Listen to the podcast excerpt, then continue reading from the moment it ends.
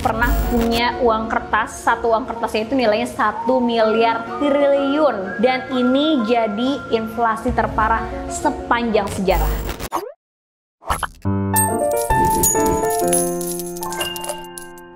Hai teman-teman, balik lagi di Fintalk bareng aku Vinanda. Kali ini aku mau bahas soal inflasi. Jadi teman-teman di sini udah ada yang tahu belum sih apa itu inflasi? Kalau belum, mungkin sama ya kayak pengalaman aku. Jadi dulu tuh aku juga nggak tahu apa sih arti inflasi itu, kenapa sih penting banget kita harus tahu apa itu inflasi dan kenapa orang-orang tuh mendorong kita untuk investasi supaya uang kita nggak kena inflasi. Jadi aku mau sharing di sini. Jadi aku cari tahu, aku riset kan soal apa sih itu inflasi. Akhirnya aku menemukan pada sebuah titik kesimpulan, yaitu inflasi itu adalah proses kenaikan harga-harga barang yang terus-menerus yang akhirnya berdampak terhadap penurunan nilai mata uang kita. Contoh sederhananya gini. Jadi dulu di tahun 2000-an pas aku SD, itu aku punya uang 2000, aku bisa beli satu mangkok bakso tapi di tahun 2021, uang 2000 yang aku punya itu udah nggak bisa lagi buat beli satu mangkok bakso. Cuma cukup buat bayar uang parkir aja. Karena satu mangkok bakso di Jakarta itu harganya udah 20 ribuan. Nah, proses menurunnya nilai mata uang dari 2000 ini yang udah nggak bisa lagi beli bakso dan harga bakso yang terus naik dinamakan dengan proses atau istilahnya inflasi. Terus apa aja sih yang menyebabkan inflasi itu bisa terjadi? Yang pertama, konsumsi masyarakat yang jauh lebih besar dari ketersediaan barang-barang di pasar, terus juga biaya produksi yang tinggi dan distribusi yang gak lancar, serta uang yang beredar di masyarakat ini jauh lebih besar dibandingkan dengan yang dibutuhkan. Jadi hal-hal tersebut bisa menyebabkan inflasi. Terus dampak inflasi itu kayak gimana sih?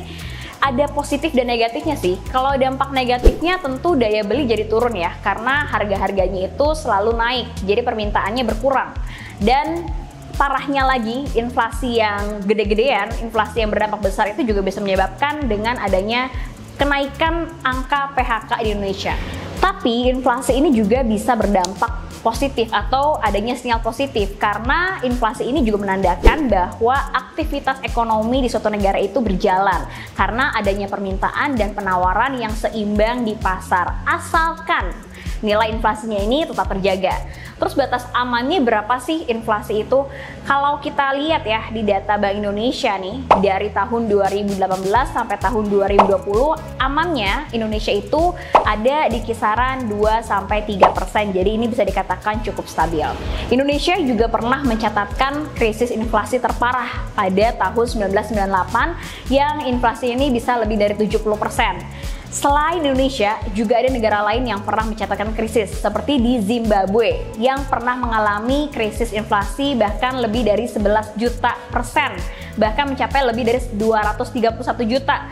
Jadi kalau di Zimbabwe kita beli telur itu harganya bisa miliaran rupiah. Selanjutnya juga ada Hungaria yang pernah punya uang kertas, satu uang kertasnya itu nilainya 1 miliar triliun dan ini jadi inflasi terparah sepanjang sejarah.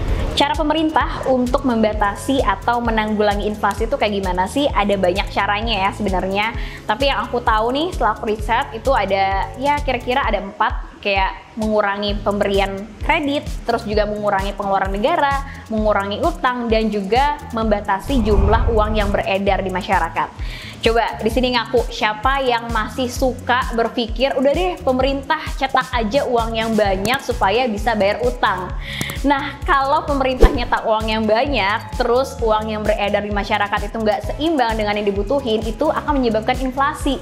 Jadi jangan sampai teman-teman di sini berpikir ya kalau misalkan kita punya utang, pemerintah tinggal cetak uang itu nggak bisa dilakukan kayak gitu. Karena yang nanti adanya nilai mata uang kita tuh akan semakin turun kalau uangnya terlalu banyak yang beredar. Kita sebagai masyarakat juga bisa loh untuk mengambil andil, turut berpartisipasi untuk menjaga inflasi atau menanggulangi inflasi. Yang pertama, kita bisa dengan cara membeli produk sesuai kebutuhan. Jadi jangan kayak kemarin ya, ngeborong masker, terus nimbun, itu juga bisa jadi salah satu penyebab inflasi loh. Terus jangan lupa mencintai rupiah dan produk dalam negeri. Dan yang terakhir, jangan lupa untuk investasi. Supaya kalian juga gak ngalamin kayak aku yang dulu punya uang 2000 bisa beli bakso satu mangkok tapi 10 tahun kemudian cuma bisa buat bayar parkir. Jadi gimana teman-teman di sini udah pada ngerti belum sih apa artinya inflasi? Kalau kalian punya pengertian lain, kalian bisa sharing-sharing ya di kolom komentar. Nanti aku lihat dan aku bales. Dan jangan lupa untuk selalu tonton Vintalk. Terus jangan lupa subscribe, like, dan see you.